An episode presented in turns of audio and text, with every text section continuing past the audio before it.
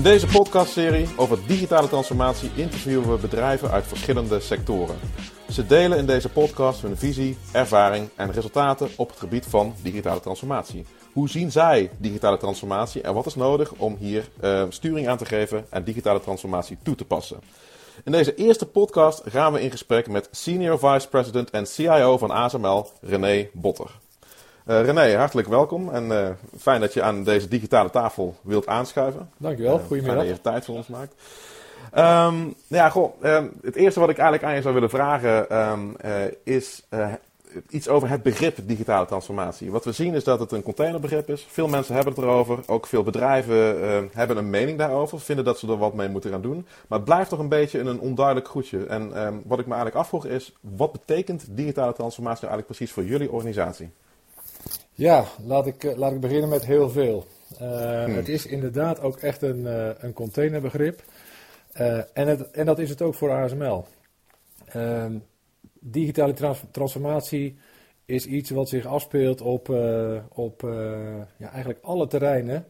Of je het nou hebt over services, over, over de business, de producten, op de manieren van werken. hoe mensen met elkaar werken, hoe ze hun werk doen het raakt heel veel. Dus ja, wat betekent het voor ASML? Uh, het is een heel veel omvattend begrip. En alleen met, ik denk, alleen met deze vraag zouden wij al een uur kunnen vullen. wat, wat digitale transformatie precies is. En ik, en ik denk vooral uh, dat het een, een kwestie is van ook zelf richting bepalen. Uh, voordat je ook zinvol erover kan praten en zinvol er sturing aan kan geven. En, en wat, ik, wat ik zelf nu ook zie is, hè, ook ASML zit in een fase waarin wij uiteraard op een heleboel facetten uh, voorbeelden zien van digitalisering. Uh, maar ook nog zelf wel een stukje uh, in het proces zitten van, ja, wat is nou onze strategie op het gebied van digitalisering? Duidelijk. En ik hoor je nou eigenlijk twee dingen zeggen. Hè. Enerzijds over digitalisering, anderzijds over digitale transformatie. Waarbij uh, ja. transformatie echt een soort veranderingsproces uh, uh, lijkt te suggereren. Um, ik, ik, vond het interessant, je zei net van, ja, dan moet je op een of andere manier wel sturing aan gaan geven. En um, wat we om ons heen af en toe wel eens zien gebeuren, is dat het vooral ook soms bedrijven overkomt. In plaats van dat, dat ze daar aan de voorkant sturing aangeven. hoe zien jullie dat? Um hetzelfde, denk ik. Het overkomt, het gebeurt. En het is ook een, ik denk een fasering. Uh, als je naar digitale transformatie kijkt, dan, dan begint zoiets, denk ik, heel ad hoc. Uh, met initiatieven uh, die links en rechts in de organisatie uh, opduiken, omdat er bepaalde nieuwe technologie is die gebruikt gaat worden. Er is een initiatief of een idee van iemand. dat kan met een klant zijn, dat kan intern zijn. Het begint vaak met ad hoc. Um, en, en daar geef je in die zin nog niet echt heel veel sturing. Behalve dat je bepaalde technologieën inkoopt, uh, een stukje project of uh, werk faciliteert en, en, iets tot stand laat komen. Uh, ik denk persoonlijk dat je pas echt sturing kan gaan geven als je een, een, een strategie hebt neergezet. Die, ehm, die ja, uiteindelijk vertaalt. Hè, het komt uiteindelijk toch neer op wat wil je als bedrijf voor, ik denk voornamelijk je eindklanten betekenen. Um, en als je dat terugvertaalt naar uh, een stukje digitale transformatie, dan kun je het ook gaan sturen. En ik denk dat heel veel bedrijven, en ik ben, ben eerlijk denk ik als ik ook uh, zeg dat ASML nog uh, in, in de fase zit waarin er nog een stuk strategie tot stand moet komen. En tot die tijd stuur je denk ik vooral op, ehm, op initiatieven. Maar nog niet zozeer een kop-staart verhaal. Ja, dat is helder. Dus, dus eigenlijk is, uh, is de transformatie iets wat voorafgaat aan strategievorming. En niet andersom, zou je haast zeggen. Ja, nee, nee. Ik, ik, zou het iets anders benoemen. Ik denk dat, dat, uh, dat digitale, digitale transformatie, dat begint met ad hoc initiatieven. Ja. Um, en um, uiteindelijk uh, moet je daar een, een veel, zeg maar, meer omvattender strategie voor gaan bepalen. Omdat ja. je wel degelijk ziet dat uh, bottom-up initiatieven uiteindelijk ook tot een soort wildgroei of een te grote variëteit van technologieën of nou ja, allerlei dingen kan leiden die je uiteindelijk in de long run misschien ook niet allemaal op die manier wil doen. Of als het gaat over technologieën, wil je ook niet alle technologieën in huis hebben. Ja, dat, gaat binnen, dat geldt zeker binnen de IT. Het is, ehm, ja, het is soms een snoepwinkel hè, waar je uit kan kiezen uh, qua technologieën. Maar in de long run moet je het ook kunnen servicen. Moet het ook een, een consistent landschap zijn. Uh, vergeet niet dat over heel veel facetten ook uh, zaken als uh, privacy, security worden bedreven en, en, nodig zijn. Dus ook, ook dat noodzaakt je als bedrijf op een gegeven moment zeggen: ja, maar een stukje overkoepelende strategie. En vervolgens vanuit daar gaan sturen en vanuit daar ook bepaalde ja, duidelijke keuzes maken. Waar ga je wel en waar ga je niet in met bepaalde technologieën? Mm. En, en welke technologieën kies je dan? die passen in jouw landschap. Waar wil je je landschap heen ontwikkelen? Ja, ja. Nee, dat is helder. Ik kan me zo voorstellen dat datgene wat je nou net vertelt, dat het ook um, veel zegt over het type leiderschap wat je eigenlijk zou moeten gaan tonen in deze context. Zou je daar eens wat meer over kunnen vertellen? Um, ja, ik denk um, vooral dynamisch leiderschap. Mm. dit is zeg maar een fase waarin heel veel uh, nieuwe technologieën, heel veel nieuw denken, heel veel uh, creativiteit ontstaat. Uh, dus los van, het klinkt een beetje tegenstrijdig misschien, maar hè, strategie en sturing wil niet zeggen dat je star moet zijn. Het betekent nog steeds dat je een stuk dynamisch, nou ja, een ander gevleugeld begrip is misschien agile, leiderschap moet tonen. Hmm. Waarbij je ook als management van een organisatie beseft dat, dat je uh, uh, ja, mee moet bewegen, uh, agile moet zijn in, in bepaalde nou, gedachtegoed, richtingen en, en ook moet kunnen laveren. Ehm, ja. Het is misschien lastig, maar een strategie die vroeger vijf jaar stand hield, houdt nu misschien maar twee of drie jaar stand. En dan ben je, dan ben je aan het bijsturen, heel duidelijk aan het bijsturen. Ja. Dus ik denk vooral dynamisch leiderschap um, en, en, en, en een agile mindset uh, zijn, zijn nodig in, in, in, in een digitale transformatie. En zeker um, zeg maar in, een, in de fase waarin we nu zitten. Ja, dat begrijp ik. Um, ja, misschien een beetje een open deur. we zitten in een coronacrisis, we zitten in een pandemie. Ja. Wat voor effect heeft dat op jullie digitale transformatie en de sturing die je daar aangeeft? Um, nou, als je, als je even teruggaat naar hè, digitale transformatie, wat raakt het allemaal? Uh, processen, producten en mensen. Hmm. Dan, dan, dan heeft uh, de hele coronasituatie vooral op het uh, mensenvlak, employees, een enorme impact gehad. Wij zijn, ja, niet alleen ASML, ik denk heel veel bedrijven, zijn binnen no time van, van offline kantoorwerkers naar online digitale werkers uh, overgegaan. Met alle horten en stoten van dien. Uh, waarbij we nu massaal digitale tooling gebruiken, digitale tools gebruiken. Ja. Om elkaar te vinden, om samen te werken, om werk te delen, samen zeg maar dingen uh, te bouwen, maar dan virtueel, want je zit niet meer bij elkaar. Ja. ja bouwen bedoel ik dan met name uh, niet fysiek, want dat doe je nog, vooral ook bij ons nog in de fabriek wel uh, bij elkaar. Ja. Maar bouwen van ideeën, plannen, architectuur, dat soort zaken. Dus ja, corona heeft bij ons een mega impact gehad, vooral op het digitaal werken van de gemiddelde employee. En daar heeft het een vogelvlucht genomen, ook, en dat is misschien nog wat het interessantste eraan, ook in de mindset van management. Uh, als je een jaar geleden, nou iets meer, anderhalf jaar geleden, de gemiddelde ASML-manager had gevraagd: wat denk je van thuiswerken? Nou, dan denk ik dat het merendeel zei: nou, liever kantoor. Want uh, we, zijn, we zijn een creatief bedrijf. Uh, we hebben een innovatief bedrijf en we hebben die interactie van mensen nodig. En dat is, dat is trouwens nog steeds zo. Laat, laat ik daar geen misverstand over bestaan. Maar, dus dat creatieve proces heeft nog steeds het werkt nog steeds het beste als mensen bij elkaar zitten en met z'n allen bij een whiteboard staan en uh, noem maar op. Uh, elkaars gezichten zien. Maar wat wij niet hadden kunnen inschatten is hoe goed het toch ook kan gaan ehm, met mensen die thuiswerken. Ehm, dus ik denk dat, het, dat de mindset bij, bij management, maar ook bij employees, daadwerkelijk veranderd is. Thuiswerken wordt wel een onderdeel van de nieuwe werkcultuur. Ja. Slaat zeker niet door naar thuiswerken. Het blijft absoluut, denk ik, eh, voor een groot deel ook bij ons bestaan uit uh, mensen die elkaar tegenkomen op kantoor. Maar uh, dat, dat, dat zeg maar, er een stuk denken veranderd is, is, is absoluut waar. En je, je, hebt het over verandering. Ervaar je dat ook als een positieve verandering? Ja, ja ik, vind, ik vind het een positieve verandering. Uiteraard niet helemaal in de situatie waarin we nu zitten, want het is je ziet ook dat mensen er nu onder lijden. Hè? Mensen die, uh, de een kan er beter tegen dan de ander, maar er is ook bij ons een behoorlijk percentage mensen die eronder lijdt dat ze niet naar kantoor kunnen. Ja. Uh, en dat kan doordat ze zich eenzaam voelen, dat kan doordat ze zich gewoon dat ze de, dat ze de onderlinge contacten missen, waardoor ze de inspiratie van elkaar missen. Of je hebt gewoon een hele moeilijke thuissituatie met veel rumoer, kan ook. Ja.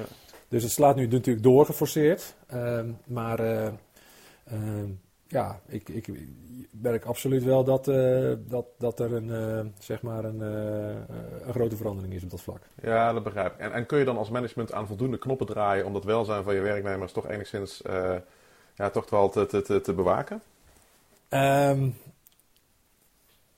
ik denk aan heel veel knoppen. Um, je kan niet alles veranderen, maar uh, wij doen een heel sterk beroep op management, op alle lagen, om in contact te blijven met, uh, met hun mensen. Ja. Uh, en dat kan door een vrijdagmiddagborrel virtueel te beleggen. je pakt letterlijk een biertje en je ziet elkaar in teams achter het scherm. dat kan zijn doordat jij gewoon zorgt dat je iedere week even een half uurtje gewoon benen op tafel overleg hebt via Teams met, met je teamleden. maar we bieden ook andere zaken aan, zoals uh, well-being uh, app, waarin mensen uh, een initiatiefje kunnen plannen. een boswandeling, een, een, een, etentje voor twee. dat je één, één collega uitnodigt. je moet niet vergeten, wij zijn met meer dan 100 nationaliteiten in Veldhoven. Niet iedereen heeft zijn familie bij zich. Er zijn dus ook veel mensen die hier naartoe zijn gekomen met alleen hun gezin, of zelfs alleen. jonge mensen uit andere landen, zelfs andere culturen die hier naartoe komen om te werken, die zijn vaak alleen. Ja.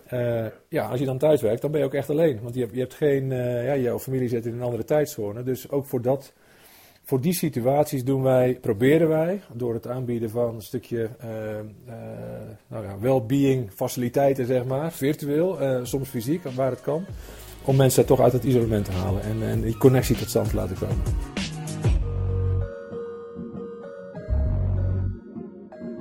Kijk, we hebben nu gehad over, over eh, het begrip digitale transformatie, wat het doet met leiderschap, uh, hoe zich dat nu vertaalt naar een pandemiesituatie ten aanzien van bijvoorbeeld uh, werknemers. Um, ja. Jij hebt meer dan uh, alleen, alleen, werknemers als stakeholder natuurlijk. Je hebt bijvoorbeeld ook uh, ja. toeleveranciers of, of uh, een collega-bedrijf waar je mee samenwerkt, afnemers, dat soort zaken. Um, ja. Op wat voor manier heeft de digitale transformatie waar jullie nou eigenlijk in zitten of doorheen gaan, een impact op de manier waarop je met je stakeholders in zijn algemeenheid omgaat? Um, nou, la, la, laat, ik, laat ik beginnen, uh, Bart, met de vraag nog een keer te beantwoorden wat, uh, wat wij nu met, uh, aan versnelling ook zien. Want ik zei net, ja, employees, maar er is ook denk ik aan de klantenkant wel het een en ander veranderd. Ja. Ten aanzien van digitalisering, digitale transformatie. Ehm, onze, ons businessmodel is, wij verkopen ehm, mooie, complexe machines waarmee klanten uh, chips kunnen produceren. Althans, uh, een deel van het productieproces wordt gefaciliteerd door onze machines. Ja. Die worden onderhouden, die worden ook gerepareerd uh, als, als er iets kapot is. Of, of preventief onderhouden. En daarvoor sturen wij, daarvoor hebben wij mensen on-site bij, bij de klant. In hun fabrieksfaciliteiten. En dat zijn locaties wereldwijd. Veel in Azië, Korea, Taiwan, Japan, Singapore. China, maar ook in de US. Ehm, als er complexe zaken zijn ehm, waar de, zeg, zeg, maar de field engineers niet uitkomen, want ja, er zijn soms zeg maar technische issues of complexe zaken waarbij we eigenlijk een tweede of een derde lijns uh, uh, persoon nodig hebben. In het verleden vlogen we die in. Dan wel gepland, dan wel op emergency omdat er iets kapot was gegaan. En dan, dan, dan stapte er letterlijk iemand in het vliegtuig. En dat zal in de toekomst nog wel gebeuren, maar in de coronatijd kon dat dus niet. Um, in het verleden hadden wij heel veel discussies met klanten over toegang, digitale toegang tot hun productiefaciliteiten. Je moet je voorstellen dat de hele chip manufacturing toch een behoorlijk uh, IP-sensitive domein is. Dus klanten zijn ook heel voorzichtig met het toe- toestaan van internetconnectiviteit bijvoorbeeld in hun eh, cleanrooms. Eh, en toen kwamen we in een catch-22. Een machine doet het niet meer. Een derde lines engineer kan niet vliegen. En een field engineer weet het niet. Maar die machine moet up, want daar, daar, daar, is een fabriek van afhankelijk. En toen kwam de versnelling eh, en de discussie met de klant, waarbij we op dat moment wel internettoegang kregen. En wij met HoloLens eh, oplossingen, eh, dat noemen wij nu over-the-shoulder support. Dat is gewoon een, letterlijk iemand die mee zit te kijken met de field engineer. Terwijl hij naar die machine kijkt in het veld, zit er iemand in het veld over mee te kijken. Geeft hem aanwijzingen, instructies en, en support om iets te fixen. Ja. Nou, als je kijkt, hè, hoe gaat. eh, dit vind ik een mooi voorbeeld van wat, wat voor eh, impact een digitale transformatie kan hebben op een, op een proces, op een businessmodel. Waarbij je normaal gesproken. Het businessmodel aan zich verandert niet. Je hebt een, een, een, een onderhoudscontract, een onderhoudsplicht. Maar het hele supportproces daarachter ja, wordt zwaar geraakt, in positieve zin geïmpact, door, eh, door, door deze, zeg maar, enerzijds door corona gedreven, maar door, ook door het feit dat, dat de digitale tooling, de digitale eh, zeg maar, eh, software en hardware aanwezig is om dit op een andere manier te doen. Ja. Nou, dit is één voorbeeld. Ehm, verder, ja, hoe, hoe ga je om met stakeholders? Wat betekent het voor de omgang met de stakeholders? Ik denk dat wij in het ecosysteem wat we zijn, hè, ehm, door, door eh, ja, de, de mogelijkheden die zich nu voordoen op het gebied van eh, digitalisering, op alle vlakken discussies hebben eh, met zowel leveranciers als ook met klanten om ja, op een andere manier met elkaar zeg maar, samen te werken. Waar processen vooral veranderen Ja. ehm, door inzet van, van digitale tooling. Eh, Als ik je zo eh, beluister, zou je haast denken dat eh, wederzijds vertrouwen daarin een heel erg belangrijk onderwerp is, wat misschien ook wel een andere betekenis heeft gekregen. Ja. Klopt dat? Ja, ik helemaal eens. Ik denk dat ehm, ehm, in de zeg maar digitale transformatie en in het nadenken over oftewel nieuwe services of misschien zelfs wel nieuwe producten, je vaak ook afhankelijk bent van informatie uit de keten. Als jij iets wil leveren aan een klant, eh, een digitaal product, heb je, eh, en dat is ook bij ons zo, heb je ook ehm, informatie, data nodig van die klant, in veel gevallen, om, om, om daar zeg maar, je product of je dienst omheen te ontwikkelen. Eh, zonder vertrouwen, wat feitelijk zou kunnen betekenen dat je die data niet krijgt, of alleen maar een subset en niet voldoende, ja, kun je die inzichten niet creëren. Kun je, kun je daaromheen niet een dienst of een product ontwikkelen. Ja. Dus eh 100% mee eens. Dit, dit, gaat, dit gaat in de basis over, over vertrouwen in de keten. ehm, om een stukje transparantie te krijgen op data. Waar je natuurlijk ook moet beseffen dat sommige data echt heel gevoelig is. Ehm, ook bij onze klanten. Eh, data die van onze machines afkomstig is, is, is een deel technisch. Ja. Waarbij je zegt, ja goed, weet je, dat, is, dat zijn gewoon, eh, dat is gewoon data die door eh, de sensoriek in onze machines wordt gegenereerd. Eh, Ja. Technisch, feitelijk.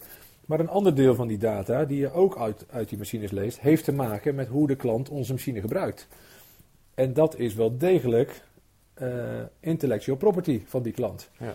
Omdat hij zijn hele manufacturingproces, eh, zeg maar, op zijn manier designt. En da- daar kun je met verstand van zaken, uit de data kun je daar iets uit aflezen. Hoe hij dat dan doet. Ja, dat kun je niet zomaar eh, gebruiken, die data. Dat kan niet bij een andere klant terechtkomen. Dat zit, dat zit echt in de, in de sfeer van, eh, van eh, intellectual property.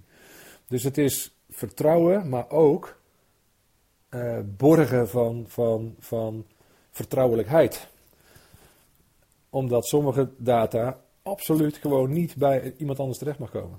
Dus als je dat niet voor elkaar hebt, ja, dan, dan krijg je dat niet voor. Dan, dan kun je daar niet mee eh, eh, dichter tot elkaar komen. Ja, precies. De data vertegenwoordigt een bepaalde waarde. En, en, en die, die Ja. waarde, daar moet je inderdaad heel erg eh, discreet mee omgaan. Ja. Dus misschien discretie ook Je hebt, een, je, hebt, je hebt daar denk ik, kijk, een, een machine die, die zoals in ons geval gebruikt wordt voor een proces waarbij je ook uit de data af kan lezen hoe een, eh, een, een, klant zijn proces inricht, is iets anders dan eh, het uitlezen van eh, een, weet veel, een motor die ergens in een machine draait, of het uitlezen van een kopieerapparaat, wat mij betreft. Eh, ehm, eh, dus, dus op het moment dat het niet intellectual property gevoelige data is, ehm, kun je veel makkelijker op platformen tot elkaar komen en, ehm, en, en makkelijker met die data iets doen, omdat het eigenlijk meer iets zegt over de machine dan over de klant.